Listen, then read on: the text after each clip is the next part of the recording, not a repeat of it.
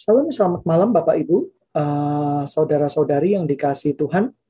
Ya, kita berbicara tentang seorang nabi, seorang yang bernama Daniel, seseorang yang luar biasa. Dia adalah seorang pendoa yang sungguh-sungguh masuk di dalam hadirat Tuhan.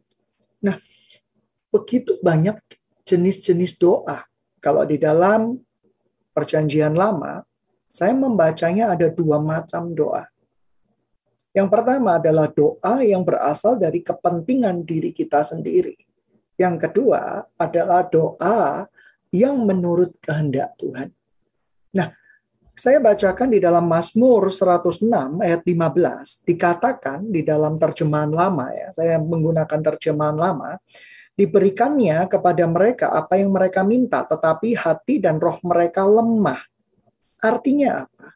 Orang Israel pada waktu itu di padang gurun berdoa kepada Tuhan untuk memuaskan daging dan hawa nafsu mereka. Tetapi Tuhan kita ini penuh kasih dan sayang. Doa-doa yang penuh dengan kedagingan kadang bisa dikabulkan oleh Tuhan. Tetapi efeknya sebenarnya juga tidak terlalu baik bagi bangsa Israel itu sendiri ya ketika mereka meminta roti mereka meminta daging akhirnya dagingnya membusuk. Mereka meminta mana tapi masih kurang saja. Jadi bangsa Israel ini adalah orang yang tidak pernah bersyukur bangsa yang kurang bisa bersyukur pada waktu itu.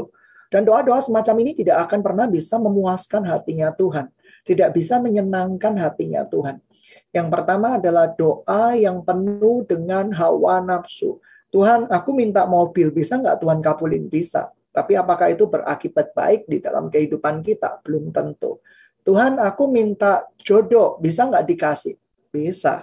Tetapi apakah jodoh itu berakibat baik di dalam kehidupan kita? Belum tentu. Kita berdoa, Tuhan, aku minta uh, kekayaan, bisa nggak Tuhan kabulin? Bisa jadi ya Tuhan bisa jadi kabulin tetapi apakah itu akan memberikan manfaat yang terbaik di dalam kehidupan kita Tuhan ketika mengabulkan sesuatu kadang untuk mendidik dan mengajar bangsa Israel. Tuhan mengabulkan doa yang penuh kedagingan untuk mendidik bangsa Israel bahwa ternyata doa-doa seperti itu berakibat kepada maut, berakibat kepada kecelakaan. Tuhan mau mendidik, Tuhan mau mengajar bangsa Israel. Jangan lagi kamu berdoa seperti itu. Kita seperti anak kecil, kadang minta ini, minta itu, minta dikabulkan ini, minta dikabulkan itu. Padahal kita harus berdoa bukan kehendak kita, melainkan kehendak Tuhan yang jadi. Jadi jenis doa pertama adalah doa yang memuaskan hawa nafsu kita. Tuhan, aku pingin uh, ini, pingin itu, pingin rumah mewah, pingin mobil mewah, pingin segala-galanya enak, segala-galanya teratur. Bisa nggak Tuhan kabulin? Mungkin bisa, Ya, mungkin bisa, tetapi ketika Tuhan mengabulkan itu bukan untuk menyenangkan kita, tetapi malah untuk mendidik dan menghajar kita. Kadang ada orang yang ketika diberikan kekayaan, itu betul-betul malah menjauh dari Tuhan. Akhirnya hidupnya kosong, hidupnya hampa, hidupnya tidak lagi mengandalkan Tuhan dan oleh karena itu dia betul-betul merasa kering, merasa sendirian di muka bumi ini. Ada orang yang ketika diberikan barang-barang uh, mewah ternyata juga tidak membuat mereka dekat sama Tuhan. Kadang perasaan jauh dari Tuhan, perasaan yang ditinggalkan oleh Tuhan, nah itu adalah hukuman yang terbesar bagi orang percaya. Ketika saya berdoa dan Tuhan tidak menjawab, ketika saya berdoa dan saya tidak bisa merasakan hadirat Tuhan lagi, itu adalah penghukuman bagi orang percaya. Ya, padahal di dalam orang percaya harusnya tidak ada penghubungan lagi di dalam Kristus Yesus. Tetapi penghukuman dalam tanda kutip ini adalah adalah sebuah cara Tuhan untuk menegur anak-anaknya supaya berdoalah sesuai dengan kehendak hati Tuhan. Contoh, ada seorang ayah, anaknya meminta mobil.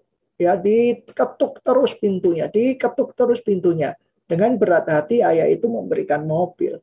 Tapi mungkin resikonya ayah itu mulai mendiamkan anaknya ya ketika ada sesuatu misalnya ketika anak itu memakai mobil dan terjadi kecelakaan itu adalah didikan kenapa kok dia berdoa memuaskan daging memuaskan hawa nafsu Dan akibatnya buat anak itu adalah terpisah hubungannya dengan bapaknya. Nah, sidang jemaat, Bapak Ibu, eh, saudara-saudari yang dikasih Tuhan, ada jenis doa yang kedua, yaitu doa yang memuaskan hatinya Tuhan. Untuk masuk di dalam tahapan itu kita harus belajar seperti Daniel. Ya, kalau kita baca di kitab Daniel di dalam Daniel 10 1 sampai 21 Anda bisa baca nanti 1 Yohanes 5 ayat 14, Mazmur 119 uh, ayat 147 sampai 148. Nah, doa yang kedua adalah doa yang masuk di dalam rencana Tuhan, masuk dalam pikiran Tuhan, masuk di dalam kerinduannya Tuhan. Satu kali saya uh, berdoa, saya rindu menjadi orang yang sukses. Dikabulkan sama Tuhan. Tetapi pada waktu saya dikabulkan sama Tuhan, ternyata ada perasaan yang begitu terpisah dari hadirat Tuhan. Dan perasaan itu begitu mengerikan. Sampai suatu saat saya berpikir buat apa kesuksesan tanpa Kristus yang ada di dalamnya. Buat apa pencapaian demi pencapaian pengakuan manusia tanpa Kristus yang ada di dalamnya? Oleh karena itu, dengan segala kerendahan hati, saya berkata, Tuhan pakai saya ke ladangmu ke mana pun Tuhan, asal bisa makan minum, ya udah cukuplah Tuhan. Saya tidak akan meminta apa pun, eh, segala apa pun di dalam ladang Tuhan. Oleh karena itu ketika ada teman-teman yang kadang mengundang, saya tidak terlalu bisa untuk menerima persembahan-persembahan kasih karena sudah nasar saya. Saya selalu kembalikan karena saya rindu melayani berdasarkan komitmen kepada Tuhan. Bukan berarti saya berkata bahwa orang yang menerima persembahan kasih itu salah, tidak orang hamba Tuhan yang hidupnya total di dalam perkabaran Injil berhak untuk menerima itu. Tetapi kebetulan saya punya nasar pribadi dan oleh karena itu menjadi sebuah apa ya sebuah tanda atau sebuah hubungan saya dengan Tuhan pada waktu itu titik balik pertobatan saya. Jadi pada waktu saya bertobat saya rindu Tuhan, saya tidak mau menerima persembahan kasih kalau bisa saya memberikan semuanya itu cuma-cuma gratis Tuhan. Tapi untuk masalah kehidupan, kau berkati Tuhan dengan caramu, dengan hik, uh, dengan hikmat yang kau berikan. Saya bekerja, tapi saya tidak mau hidup di dalam pekerjaan terus-menerus. Tapi saya rindu melayanimu juga, lebih ke arah melayanimu. Nah, ketika saya berdoa, apa yang menjadi kerinduan Tuhan masuk di dalam pikirannya Tuhan, dalam tanda kutip ya, masuk dalam pikirannya Tuhan, masuk dalam rencana Tuhan, ada kebahagiaan yang tidak terkira. Saya mendapatkan sebuah jaminan demi jaminan. Jaminan bahwa apa yang saya lakukan ini Tuhan sertai. Jaminan apa yang saya lakukan ini Tuhan sudah pegang kendali. Sebuah jaminan bahwa saya dan seisi rumah saya akan diselamatkan. Sebuah jaminan bahwa siapa pun yang percaya kepada Kristus Yesus akan memperoleh hidup yang kekal.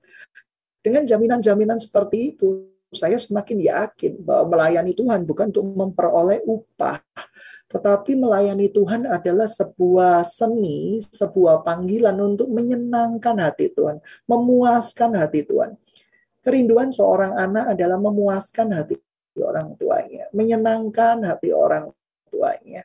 Jadi Bapak Ibu, adik-adik, ya saudara-saudari yang dikasih Tuhan. Kalau ada orang tuamu masih hidup sampai sekarang, jangan menunda-nunda untuk memberikan belas kasihan, jangan menunda-nunda untuk memberikan perhatian, jangan menunda-nunda untuk memberikan uang. Walaupun mungkin kamu tidak ada uang 50 ribu, 100 ribu, berikan saja ya. Kalau kamu tidak ada uang 100 ribu itu sudah berarti banget bagi orang tua kamu. Mungkin orang tua kamu merasa oh aku tidak butuh aku sudah diberkati. Tetapi pemberian seorang anak itu akan punya nilai lebih akan punya sesuatu yang luar biasa. Jadi Bapak Ibu saudara-saudari yang dikasih Tuhan saya percaya kalau Bapak kita di surga rindu dipuaskan oleh anak-anaknya dan bagaimana kepuasan dari Bapa kita di surga, yaitu ketika anak-anaknya melakukan sesuai dengan kehendaknya, kerinduannya. Oleh karena itu, mari kita berdoa sesuai dengan maksud dan rencana Tuhan. Kalau kita berdoa sesuai dengan maksud dan rencana Tuhan, maka kita akan masuk di dalam sebuah penggenapan demi penggenapan janji-janji Tuhan. Dan Tuhan akan membuat kita berkarya melebihi dari apa yang pernah kita bisa pikirkan. Ya, eh, Daniel berdoa. Daniel berdoa memberikan cintanya kepada Tuhan, kerinduannya kepada Tuhan. Ya, tetapi doa yang bisa menjangkau hatinya Tuhan itu perlu kita lakukan. Kita harus belajar dari Daniel juga. Doa yang benar-benar memuaskan hati Tuhan, menyenangkan hati Tuhan. Banyak orang yang ketika berdoa menjadi momen-momen yang menyiksa karena tidak ada jawaban terasa berbicara sendiri. Tetapi kalau kita bisa masuk di dalam hadirat Tuhan, masuk di dalam kerinduan Tuhan, pikiran Tuhan, doa itu menjadi sesuatu yang sangat menyenangkan, bisa berjam-jam bahkan, bisa berhari-hari bahkan. Oleh karena itu kita belajar untuk meluangkan waktu berdoa. Kalau kita berdoa cepat-cepatan, berdoa yang asal-asalan, saya rasa nanti tidak akan terjangkau. Saya rasa kita akan kurang bisa memahami rencana Tuhan. Doa itu perlu waktu. Ketika Tuhan Yesus berdoa, dia menyediakan waktu yang terbaik untuk berdoa. Berdoa tidak perlu sampai harus dalam tanda kutip pergi ke bukit. Ya, sering kali kan lucu orang-orang Ketika ada suntuk di dalam kehidupan, pinginnya pergi ke villa, pinginnya pergi ke gunung. Ya nggak apa-apa sih, wajar-wajar saja sih. Tetapi uh, doa itu bisa di mana saja. Doa itu bisa kapan saja. Cukup kita meluangkan waktu kita banyak orang yang banyak ritual, ribet banget sih mau doa, harus pergi ke bukit dulu, harus pergi ke tempat yang super sunyi dulu, udara sejuk dulu untuk berdoa. Ini mau berdoa atau memuaskan daging kita. Nah, oleh karena itu doa bisa kapan saja dan di mana saja. Yang penting kita memberikan quality time kita di hadapan Tuhan. Waktu-waktu yang terbaik kita di hadapan Tuhan. Dan kalau kita berdoa, apa yang Alkitab ajarkan bahwa berdoalah bahwa Bapa kami yang ada di dalam surga, dikuduskanlah namamu, datanglah kerajaanmu, jadilah kehendakmu di bumi seperti di surga. Artinya apa? Dikuduskan namamu itu doa yang menyentuh hati Tuhan, menjamah hati Tuhan itu doa yang memuliakan nama Tuhan yang selalu diawali dengan memuliakan nama Tuhan. Pernahkah Anda berdoa mengagungkan nama Tuhan terlebih dahulu? Tuhan kau besar, Tuhan kau luar biasa, Yesus engkau dahsyat, Yesus engkau sempurna, engkau hebat, engkau perkasa. Atau engkau ketika datang dengan sejumlah masalahmu, aku sakit batuk, aku sakit pilek, aku sakit mata, aku sakit leher, kita datang dengan semua keluhan-keluhan kita. Ini doa yang sebenarnya tidak sesuai dengan kehendak Tuhan. Yang kedua, berdoa yang disebut dengan dikuduskanlah namamu, datanglah kerajaanmu, meminta rencana Tuhan terjadi di dalam kehidupan kita secara sempurna. Berdaulatlah Tuhan atas rencanamu di dalam kehidupanku. Sempurnakan rencanamu Tuhan di dalam kehidupanku. Nah, jadilah kehendakmu seperti di bumi di dalam surga. Saya percaya kalau kita membaca doa Bapa kami ini sesuatu yang luar biasa.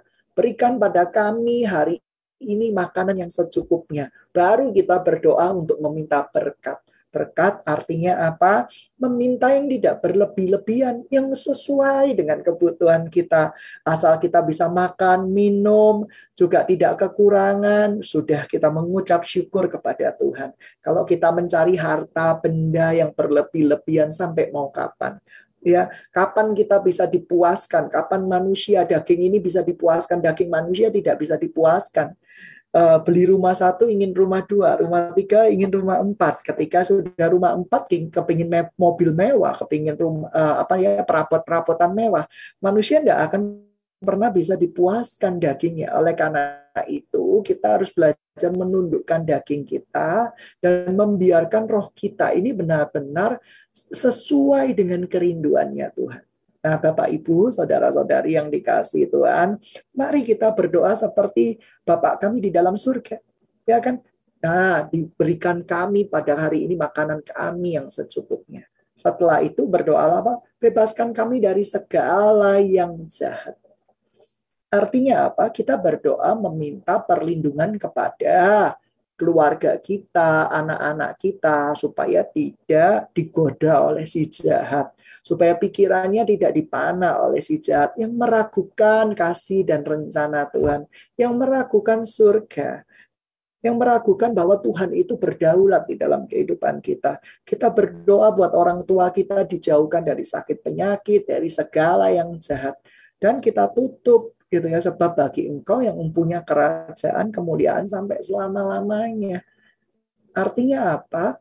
Biarkan semuanya itu dikembalikan untuk kemuliaan nama Tuhan, kebaikan Tuhan. Ini doa yang menjamah hatinya Tuhan. Nah, oleh karena itu Bapak Ibu yang dikasih Tuhan, kita punya dua pilihan sekarang. Berdoa untuk memuaskan daging kita, Tuhan bisa kabulin, Tuhan bisa izinin itu terjadi, tapi berefek nggak baik di dalam kehidupan kita, gitu ya. Kenapa kalau nggak berefek nggak baik itu Tuhan kabulin? Tuhan kabulin bukan untuk sepakat dengan kedagingan kita, Tuhan kabulin untuk mendidik kita. Ya, ada orang yang dari dulu minta jodoh terus, ya berdoa sama Tuhan. Tapi maksa sekali, harus tahun ini Tuhan, harus bulan depan Tuhan, harus bulan depan Tuhan. Kasih nggak? Tuhan izinin terjadi nggak? Dapat. Akhirnya ternyata nggak sepadan. Ternyata hancur. Ya lebih baik tidak berpasangan daripada berumah tangga hancur-hancuran seperti itu. Daripada berumah tangga seperti neraka buat apa? Walau eh, apakah kita status kita itu bisa menyelamatkan kita? Ya nggak bisa. Tetapi kalau kalau kita memaksa Tuhan bisa kabulin, tetapi kabulan per, perkabulan Tuhan itu untuk menegur kita, untuk mendidik kita bahwa kamu itu salah. Kamu itu harus berbalik kepada rencanaku yang semula. Oleh karena itu doa selalu diakhiri dengan bukan kehendakku, kehendakmu yang jadi. Ya, kita ini adalah ciptaan Tuhan. Tuhan kita ini berharga di mata Tuhan, tetapi Tuhan tetaplah Tuhan. Kita bukan Tuhan. Kita bukan Tuhan-Tuhan kecil yang bisa mempunyai magic, yang bisa menginginkan apa pun, pasti uh, pasti Tuhan Yesus senang dengan keinginan kita. Itu ajaran yang salah dan sesat. Karena bagi saya Tuhan adalah Tuhan. Tuhan tidak pernah jadi derajatnya ya. Derajatnya tidak bisa bersifat seperti manusia dalam daging, nggak bisa. Ya, oleh karena itu Tuhan adalah Tuhan, muliakan Tuhan dengan sifat keilahiannya, yaitu Tuhan itu sendiri.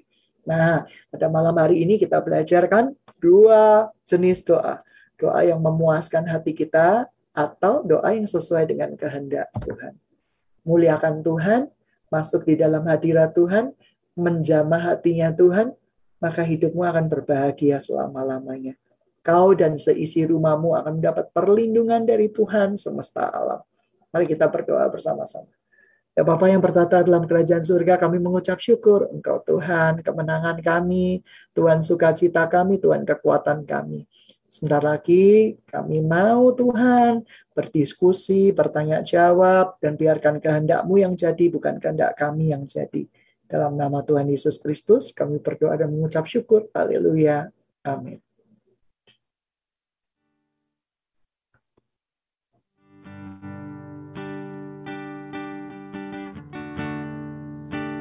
Mari dengan iman kita mau tetap percaya kepada Tuhan bahwa Tuhan sudah rancangkan yang terbaik buat setiap hidup kita.